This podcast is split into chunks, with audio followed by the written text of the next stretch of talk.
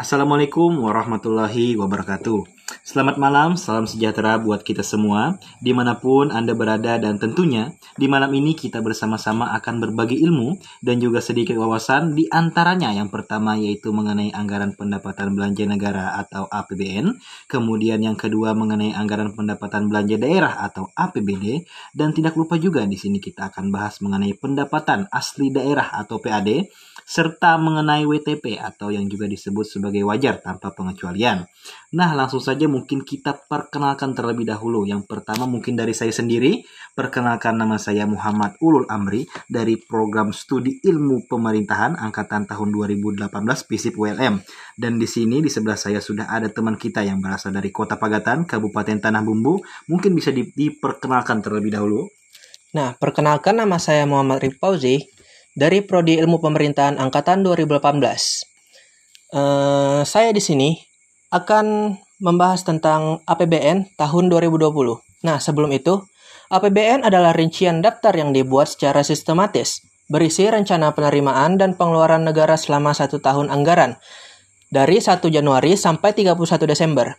APBN terdiri dari tiga komponen utama, yaitu pendapatan negara, belanja negara, dan pembiayaan negara.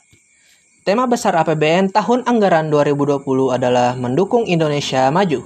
Kebijakan fiskal akan diarahkan untuk mendukung akselerasi daya saing melalui inovasi dan penguatan kualitas sumber daya manusia. Berbagai kebijakan di bidang pendidikan dan kesehatan akan dilakukan untuk meningkatkan kualitas sumber daya manusia agar siap berkompetisi dan beradaptasi dengan kemajuan industri dan teknologi. Nah, di sisi lain, pemerintah akan melanjutkan pembangunan infrastruktur yang semakin merata mengalokasikan sumber daya ekonomi dan lebih efisien dan efektif, serta mendorong birokrasi yang efektif, melayani, dan bebas korupsi. Postur anggaran APBN, APBN tahun 2020, nah belanja negaranya itu sebesar 2.540,4 triliun dan pendapatan negaranya itu ada 2.233,2 triliun. Nah, selanjutnya kita akan membahas tentang APBD. Kepada saudara Muhammad Ulul Amri dipersilahkan. Ya, terima kasih atas waktunya. Tadi sudah kita dengarkan penjelasan mengenai APBN. Ya, kemudian langsung kita ke APBD. Mekanisme dasar hukum dan alokasi RAPBD ke APBD. APBD atau Anggaran Pendapatan Belanja Daerah merupakan rencana keuangan tahunan oleh pemerintah daerah di Indonesia. Jika APBN sebagai rencana keuangan tahunan pemerintah pusat disetujui oleh Dewan Perwakilan Rakyat DPR, penyusunan APBD disetujui oleh Dewan Perwakilan Rakyat Daerah DPRD. Penyusunan APBN dilakukan oleh otoritas daerah sesuai dengan peraturan daerah perda masing-masing wilayah. Tujuan utama dari APBD adalah sebagai pedoman pemerintah daerah dalam mengatur pendapatan daerah serta pengeluaran daerah demi kesejahteraan daerahnya. APBD juga bertujuan sebagai koordinator pembiayaan dalam pemerintahan daerah dan menciptakan transparansi dalam anggaran pemerintah daerah sedikit menyinggung mengenai mekanisme penyusunan RAPBD ke APBD. Yang pertama yaitu pemerintah daerah yang menyusun RAPBD atau Rancangan Anggaran Pendapatan dan Belanja Daerah.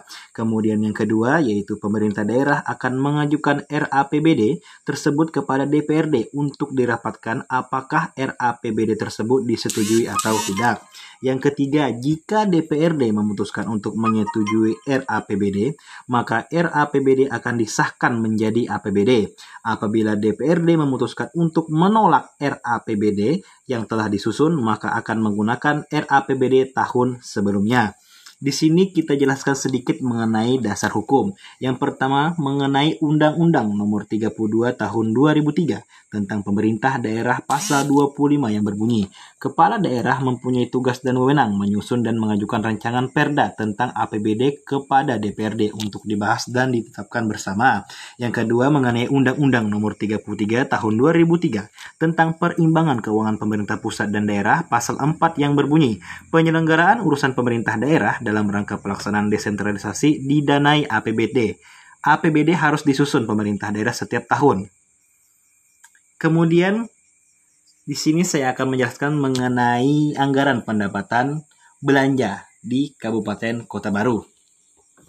Anggaran pendapatan belanja Kabupaten Kota Baru tahun 2020 yang pertama yaitu mengenai pajak daerah 49 miliar rupiah. Kemudian yang kedua retribusi daerah berkisar 6.472 ribu rupiah. Kemudian yang ketiga pengelolaan kekayaan daerah 12.120 20 miliar. PAD yang sah 59,932 rupiah. Dana perimbangan 1 triliun lebih. Nah, itu tadi sedikit penjelasan mengenai uh, APBD dari saya. Nah, selanjutnya APBD di daerah saya itu Tanah Bumbu tahun 2020 yaitu pendapatan daerahnya sebesar 1 triliun 710 miliar 928 juta 212.619,15 rupiah. Terus belanja daerahnya itu ada 1 triliun 947 miliar 227 juta 347 ribu 156,15 rupiah. Nah, terus surplusnya atau defisitnya yaitu 236 miliar 297 juta 134 ribu 487 rupiah. Nah, pembiayaan daerahnya itu ada penerimaan dan pengeluaran. Penerimaannya itu ada 224 miliar. 297 juta 134 ribu 487 rupiah. Nah pengeluarannya itu ada 10 miliar. Terus pembiayaan netonya ada 236 miliar 297 juta 134 ribu 487 rupiah. Nah itu tadi pembahasan mengenai APBD.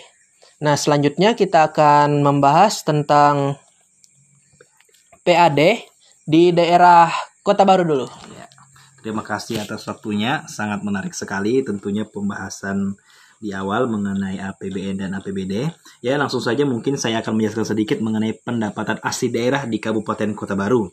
Dari PAD ditargetkan sebesar 127 miliar hanya terrealisasikan sebesar 69 miliar. Pendapatan asli daerah Kabupaten Kota Baru 2020 berasal dari empat sektor utama di antaranya yang pertama yaitu pajak daerah, yang kedua yaitu retribusi daerah, yang ketiga yaitu hasil pengelolaan kekayaan daerah yang dipisahkan, dan yang terakhir yaitu PAD lain-lain yang sah. PAD terbesar Kabupaten Kota Baru tahun 2020 bersumber dari pajak daerah yang menyumbangkan dana sebesar 49 miliar.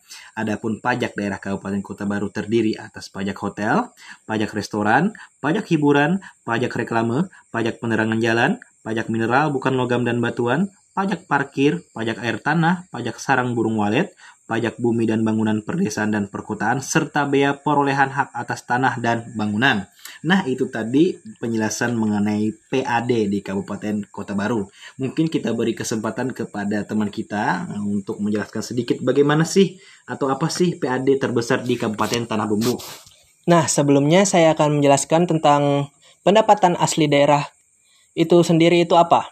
Nah, eh, pendapatan asli daerah merupakan perwujudan dari asas desentralisasi dan menjadi salah satu sumber pendapatan daerah. Melalui PAD, pemerintah daerah diberikan kewenangan untuk mendanai pelaksanaan otonomi daerah sesuai dengan potensinya. Nah, selanjutnya eh, tempat wisata di Tanah Bumbu atau sekaligus sebagai penunjang PAD di Tanah Bumbu itu ada di wisata Goa Liang Bangkai di Kecamatan Mentewe dengan pendapatan rata-rata mencapai 47 juta. Dalam kondisi normal, ini data tahun 2019. Dan namun saat ini pendapatan tersebut menurun menjadi 23,5 juta akibat pandemi ini. Nah, selain itu, tempat wisata Pantai Angsana di Kecamatan Angsana juga menjadi andalan pemerintah untuk menghasilkan PAD. Secara terperinci, PAD dari objek wisata Pantai Angsana mencapai 700 juta, namun pendapatan tersebut turun sekitar 30% menjadi 275 juta akibat pengunjung yang mulai berkurang akibat pandemi ini. Nah, penurunan pendapatan tersebut juga diperparah dengan adanya pengklaiman masyarakat terhadap objek wisata Pantai Rindu Alam. Kasus pengklaiman objek wisata Pantai Rindu Alam tersebut saat ini masih dalam proses hukum di pengadilan, sehingga pemerintah belum mengambil tindakan untuk mengelola kembali objek wisata tersebut. Uh, selanjutnya, ya itu tadi menarik sekali ya penjelasan dari teman kita mengenai PAD, ya. Mungkin langsung saja kita beralih ke uh, wajar tanpa pengecualian atau WTP mungkin kepada teman kita atau saudara kita kita beri kesempatan untuk sedikit memaparkan ataupun juga menjelaskan sekaligus agar kita bisa mengetahui apa saja WTP yang ada di Tanah Bumbu. Oke. Nah, menurut Wikipedia, opini wajar tanpa pengecualian yang biasa disingkat WTP adalah opini audit yang akan diterbitkan jika laporan keuangan dianggap memberikan informasi yang bebas dari salah saji material. Jika laporan keuangan diberikan opini jenis ini, artinya auditor meyakini berdasarkan bukti-bukti audit yang dikumpulkan perusahaan atau pemerintah dianggap telah menyelenggarakan prinsip akuntansi yang berlaku umum dengan baik. Dan kalaupun ada kesalahan, kesalahannya tidak dianggap tidak material dan tidak berpengaruh signifikan terhadap pengambilan keputusan. Nah, syarat mendapatkan WTP ini yang pertama itu laporan keuangannya lengkap. Yang kedua itu bukti audit yang dibutuhkan juga lengkap. Dan ketiga, standar umum telah diikuti sepenuhnya dalam perikatan kerja. Yang keempat, laporan keuangan disajikan sesuai dengan prinsip akuntansi yang berlaku dan konsisten. Dan yang terakhir, tidak terdapat ketidakpastian yang cukup berarti mengenai perkembangan di masa depan. Nah, saya akan menjelaskan sedikit WTP Kabupaten Tanah Bumbu. Sejak tahun 2013 hingga 2019, pemerintah Kabupaten Tanah Bumbu secara tujuh kali berturut-turut meraih predikat wajar tanpa pengecualian yang diberikan oleh pemerintah pusat dalam hal pengelolaan keuangan yang akuntabel. Nah, kalau ditelusuri sejak Kabupaten Tanah Bumbu berdiri pada tahun 2003 hingga kurun waktu 2013 atau selama 10 tahun pengelolaan keuangan daerah Kabupaten Tanah Bumbu tidak memperoleh predikat WTP.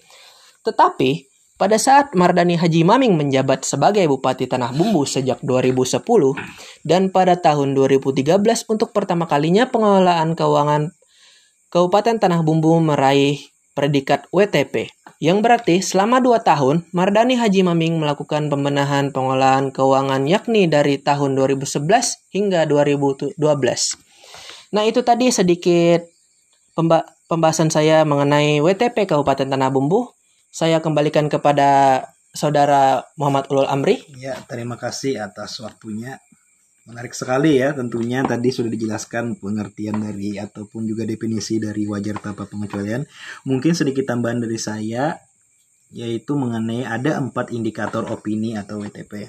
Yang pertama yaitu penentuan opini WTP harus didasarkan pada kesesuaian dengan indikator tersebut.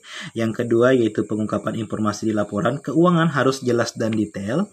Yang ketiga yaitu BPK akan melihat adanya sistem pengadilan internal dari kementerian terkait. Sebab penyusunan laporan keuangan perlu menyusun tim yang mampu mengamankan aset-aset pemerintahan.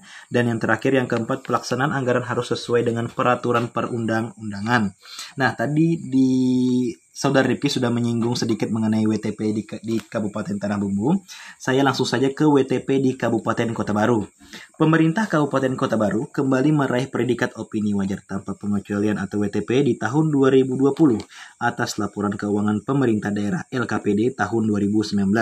Hal ini disampaikan langsung oleh Tornanda Syaifullah, Kepala Badan Pemeriksa Keuangan Republik Indonesia BPKRI Perwakilan Provinsi Kalimantan Selatan. Penghargaan IWTP ini merupakan hasil dari kerja keras bersama baik eksekutif maupun legislatif dalam menyelesaikan laporan keuangan dan raihan ini merupakan yang kelima kalinya di Kabupaten Kota Baru dapat meraih kembali wajar tanpa pengecualian. Nah mungkin sedikit info untuk kawan-kawan, sebenarnya di daerah Kalimantan Selatan pernah ada daerah atau kota yang tidak mendapatkan WTP atau pernah tidak mendapatkan WTP. Badan Pengawas Keuangan BPK Republik Indonesia Perwakilan Kalsel secara resmi menyerahkan opini wajar tanpa pengecualian atau WTP kepada pemerintah kabupaten atau kota se-Kalimantan Selatan. Dari 13 kabupaten atau kota, cuma Kabupaten Hulu Sungai Tengah HST yang tidak mendapatkan WTP di tahun 2017.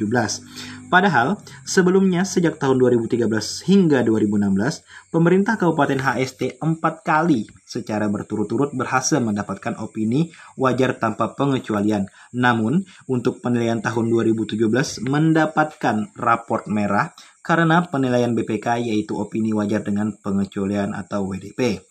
Aktor yang mempengaruhi adalah karena pemerintah Kabupaten Hulu Sungai Tengah masih kurang baik dalam manajemen kas dan sebuah pengeluaran yang tinggi harusnya di dianggarkan dan tidak harus mengerjakan sesuatu jika dananya tidak cukup. Oh, jadi tahun 2017 yang lalu Kabupaten Hulu Sungai Tengah tidak meraih WTP ya? Iya, nah, benar sekali. Tetapi kan pada tahun 2018 dan 2019 Pengkap pemerintah Kabupaten HST kembali mampu merebut predikat WTP ini. Iya. Iya. Ya, itu tadi sedikit uh, pemaparan dan juga sebelumnya kita tentunya berterima kasih kepada teman kita Muhammad Ruki Fauzi sudah bisa ikut bergabung di podcast ini dan juga diharapkan uh, kepada kawan-kawan yang akan mendengarkan podcast ini nantinya bisa mendapatkan sedikit ilmu dan juga informasi serta manfaat yang besar bagi kawan-kawan sekalian. Saya Muhammad Ulul Amri undur diri dan teman kita saudara Muhammad Rifki Pauzi juga undur diri. Akhir kata, wassalamualaikum warahmatullahi wabarakatuh.